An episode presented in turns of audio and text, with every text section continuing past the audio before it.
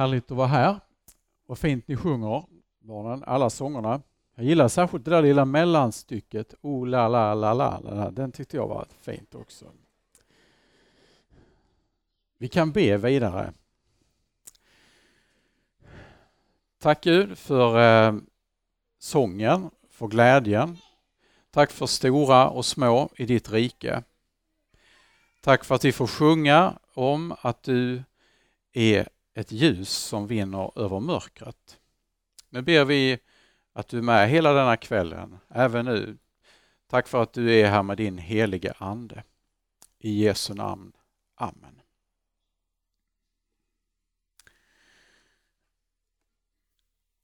Jag läser eh, en vers ifrån Johannes evangeliet. Det är från åttonde kapitlet, det är den tolfte versen. Jesus talade till dem och sa Jag är världens ljus. Den som följer mig ska inte vandra i mörkret utan ha livets ljus. Det är faktiskt ett bibelställe som är ett av de som jag citerar och använder allra oftast. Senast eh, var det här i Rya kyrka i söndags eftermiddag när jag fick glädjen att döpa ett litet barn. Eh, för det är ju så att vid varje dop i princip så eh, läser man det här bibelordet. Det gör man eh, samtidigt eller i samband med att man tänder dopljuset. Ni vet, ett litet ljus som Ehm, har ett litet märke på framsidan. Kristus monogram brukar man kalla det, alltså de två första bokstäverna i Jesus Kristus. Det ljuset brukar stå på ett litet bord där intill dopfunten och så eh, är det en av dopfaddrarna eller en förälder eller någon annan kyrkvärd eller så som tar ljuset och tänder det på det lite större ljuset som står sidan om. Påskljuset. Den där lilla handlingen som oftast går ganska kvickt förbi och eh, många är kanske mer intresserade av det lilla barnet och allt det där fantastiska stämningen som är runt om det. Men den lilla handlingen berättar om något väldigt viktigt. En liten gest i en gudstjänst, en liten ljuständning.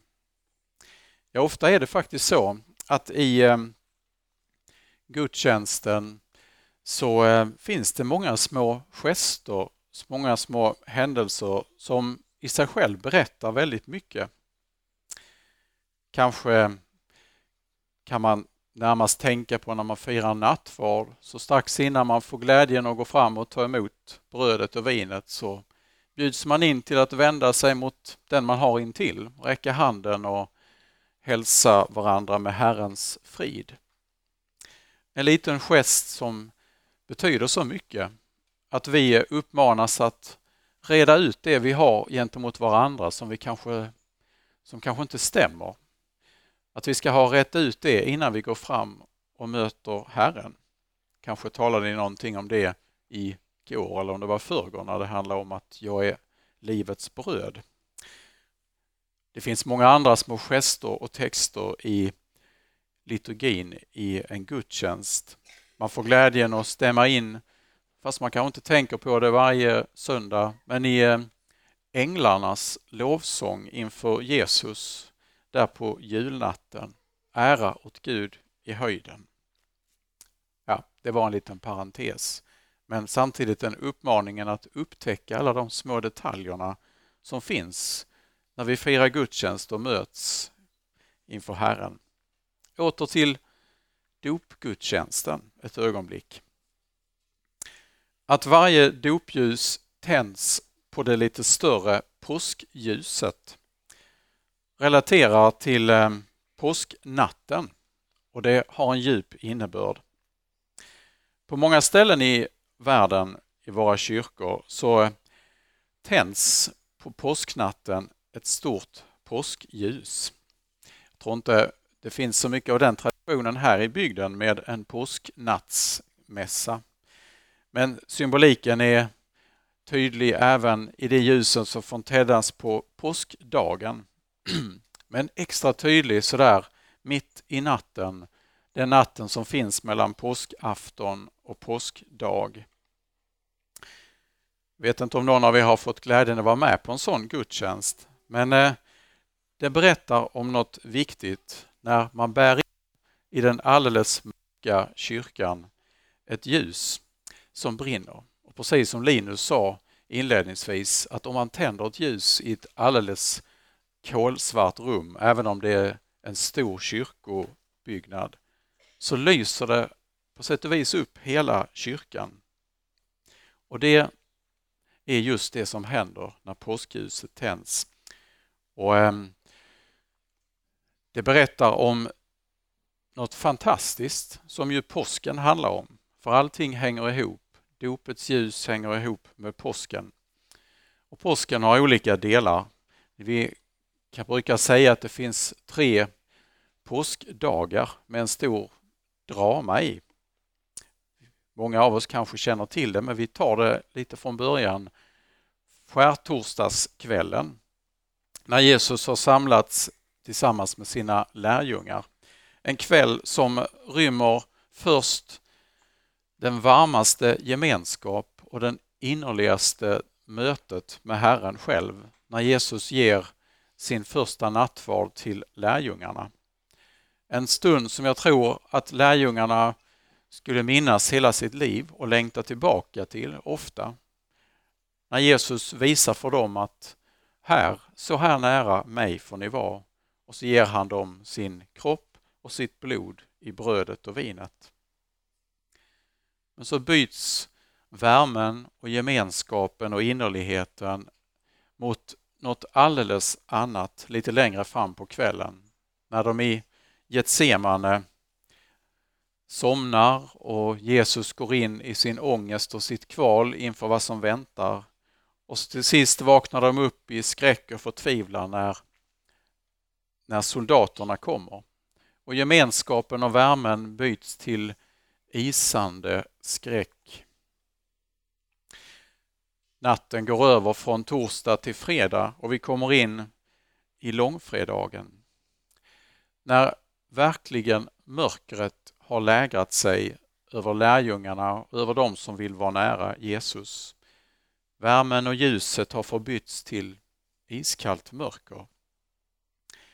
En efter en överger Jesus och till sist hänger han där ensam på korset, övergiven av alla. Och till och med upplever Jesus det som att han är övergiven av Gud själv.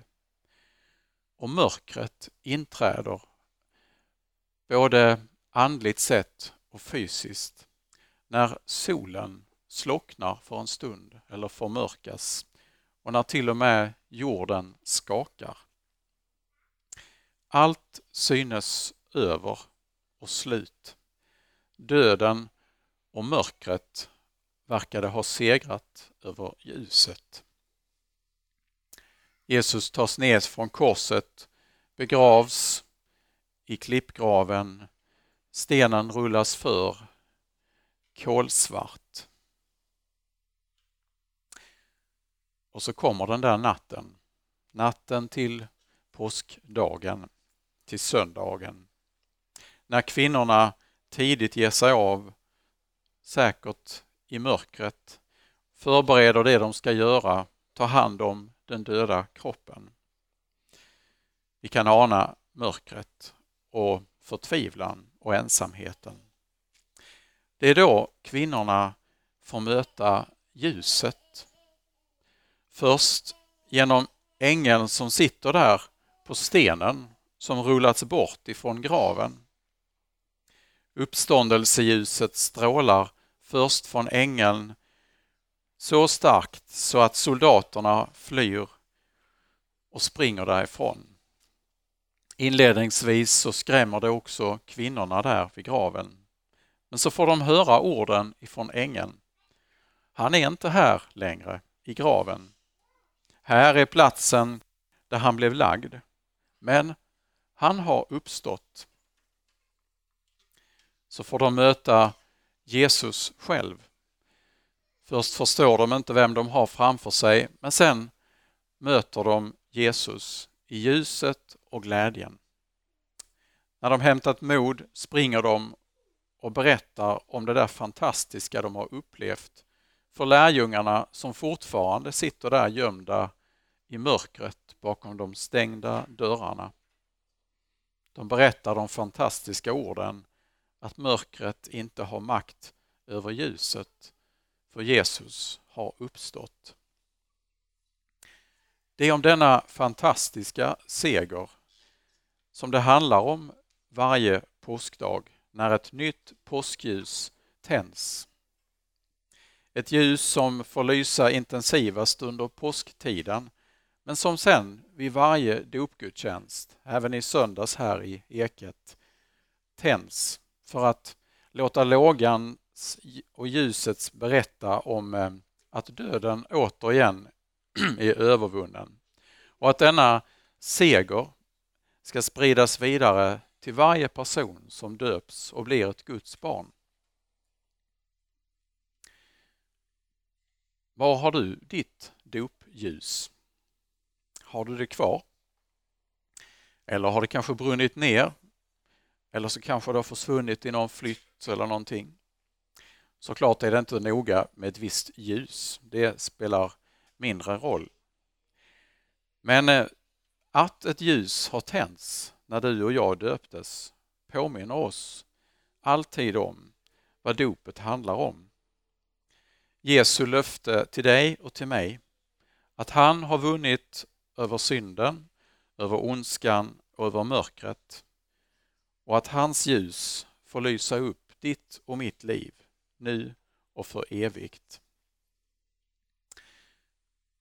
Dopbarnet i söndags fick ta emot det där fantastiska löftet som också har getts till dig och mig. Jesus säger att jag är med dig alla dagar till tidens slut. Tänk på det. Var vi än hamnar, hur vi än kan glömma det, så glömmer inte Jesus det han har lovat dig och mig. Att han är med oss alla dagar, han som har besegrat mörkret. Det finns väl knappast någon större kontrast än just den mellan mörker och ljus. Det är ingen tillfällighet att de här begreppen används flitigt i Bibelns texter. Bibelcitatet, den här versen som jag tror vi kan lära oss utan till alla, är ju hämtad ifrån Johannes åttonde kapitel som jag nämnde. Och just Johannes är ju den evangelisten som flitigast använder kontrasterna för att visa på vad det ligger i det som Jesus har gjort och vad det betyder att Guds son har kommit till världen. Man tror att Johannes skrev sitt evangelium och sina texter i Bibeln lite senare än vad de andra evangelisterna gjorde det. Han eh, var gammal, han var skolad och inläst på sin samtid. Han hade haft tid att reflektera lite över vad Jesu inträde i den här världen och vad hans frälsning betyder. Och eh, han använder sin kunskap och sin känsla för den samtid han har när han författar sitt evangelium och sina texter. Till exempel så anknyter han väldigt tydligt, tror jag, för de som behärskade det, till eh, en lära som vuxit sig stark ganska tidigt bland de kristna. Det som kallas för gnosticismen. Jag ska inte gå in för djupt i den, men det finns intressanta likheter med vår tid. Den eh, lära och de som ville hålla sig till den, de eh, menade att det andliga, det är det som är bra. Och att den här världen med det materiella, det vi kan se och ja, njuta av och allt det vi har runt omkring oss mindre värt. Ja, det är nästan ont, något vi inte ska hänga upp oss på eller och inte syssla så mycket med. Och för att nå det andliga så eh, förväntades man ta avstånd från allt det materiella. Man skulle leva i avhållsamhet och plåga sig själv gärna för att kanske till sist hitta den där hemliga kunskapen om ljuset. Det där sanna budskapet till skillnad mot lögnen. Och så byggdes det upp en slags idé om att kunskapen om Jesus, den var lite hemlig, bara för vissa. Den var svår att nå och man skulle kämpa för att nå den.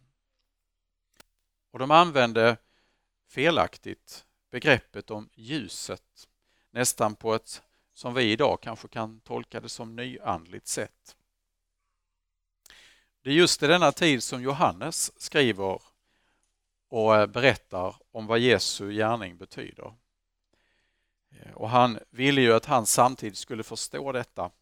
Han ville markera mot den här läran som ville på något sätt berätta att den här som Jesus har gjort är bara för vissa. Och han ville markera mot dem som menade att det materiella, den värld vi lever i, är ond. Och Det är därför han skriver de ord som Linus ju också nämnde inledningsvis. Att det sanna ljuset som ger alla människor ljus skulle komma in i världen. Han var i världen och världen hade blivit till genom honom, men världen kände honom inte. Och att ordet blev kött och bodde bland oss.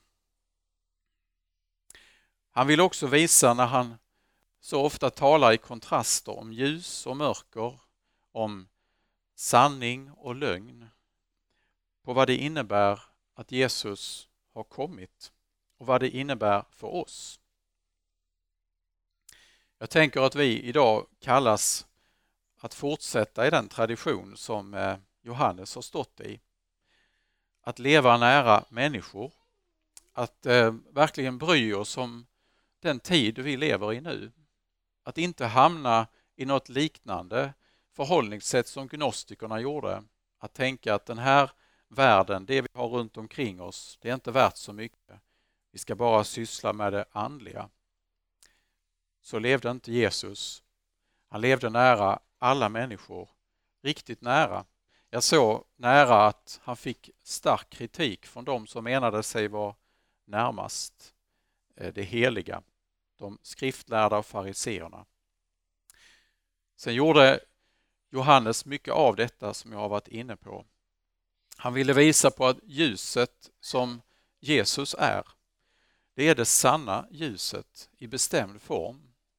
Inte ett av många ljus som tänds här och där för att vi ska värma oss lite grann och att det kanske inte skulle spela så stor roll vilket slags ljus vi värmer oss av i livet. Nej, Jesus vill visa, eller Johannes ville betona att det är Jesus som är världens ljus. Det är det Jesus säger ju. Jag är världens ljus. Den som följer mig skall inte vandra i mörkret.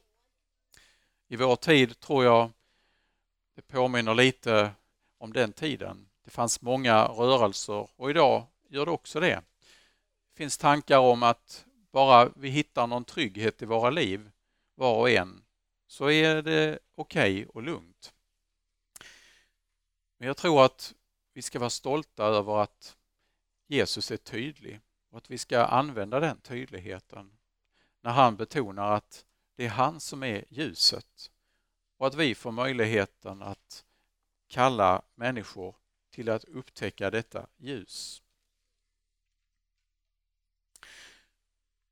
I lördags fick jag förmånen att viga ett par. Det var några vänner som gifte sig i Höja kyrka utanför Ängelholm. Kanske var det någon som var där. Eh, I alla fall så kändes det som en sån otrolig kontrast för mig när jag stod där framme och de stod framför mig och så var kyrkan fylld bakom. För eh, precis framför mig står såklart ett lyckligt par som ju ett vigselpar är strålar av glädje. Det riktigt lyser sådär av kärlek och innerlighet. Kontrasten bestod i att bakom mig i Höja kyrka så hänger en altartavla från slutet av 1700-talet som föreställer den döde Jesus som eh, lyfts ner från korset. Det är starka kontraster. Kärlekens lysande glädje och så döden som vi har varit inne på, där Jesus är ensam. Samtidigt så kändes det alldeles rätt att få ha just båda de här delarna samtidigt. Det vittnade om att Gud är med oss i alla livets skiften. Altartavlan påminner om mörkret när allt hopp verkar vara ute.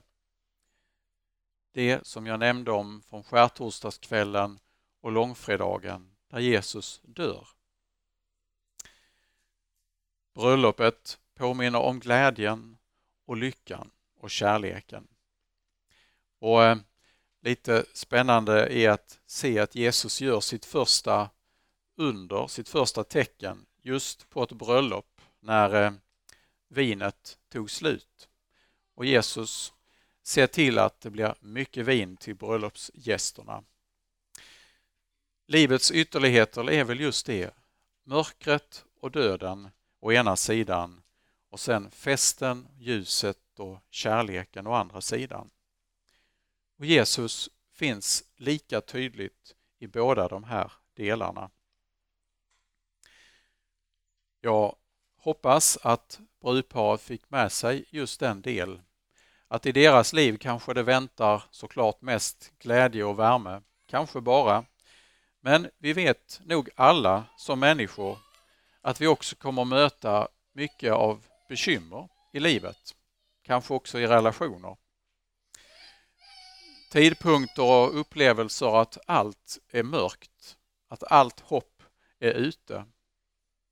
När ensamheten kommer till oss var och en. Jesus vill visa, tror jag, med den tavlan som fanns där och med, såklart med det som rymdes på det, att var vi än hamnar i vilket mörker vi än kan komma i, så är Jesus där. Så är det. Jag tror att vi var och en, som det alltid är, har någonting som just nu är det jobbigaste i livet. Jag tror det är så för alla människor. Det gäller både de som är på flykt just nu genom krigets Syrien eller kanske vi som sitter här och njuter av våra första semesterdagar och har gott om mat i kylskåpet och mår väl, så tror jag vi alla har någonting som kanske plågar oss, som kanske gör att vi känner att livet ibland är dystert och mörkt och vi inte ser någon lösning.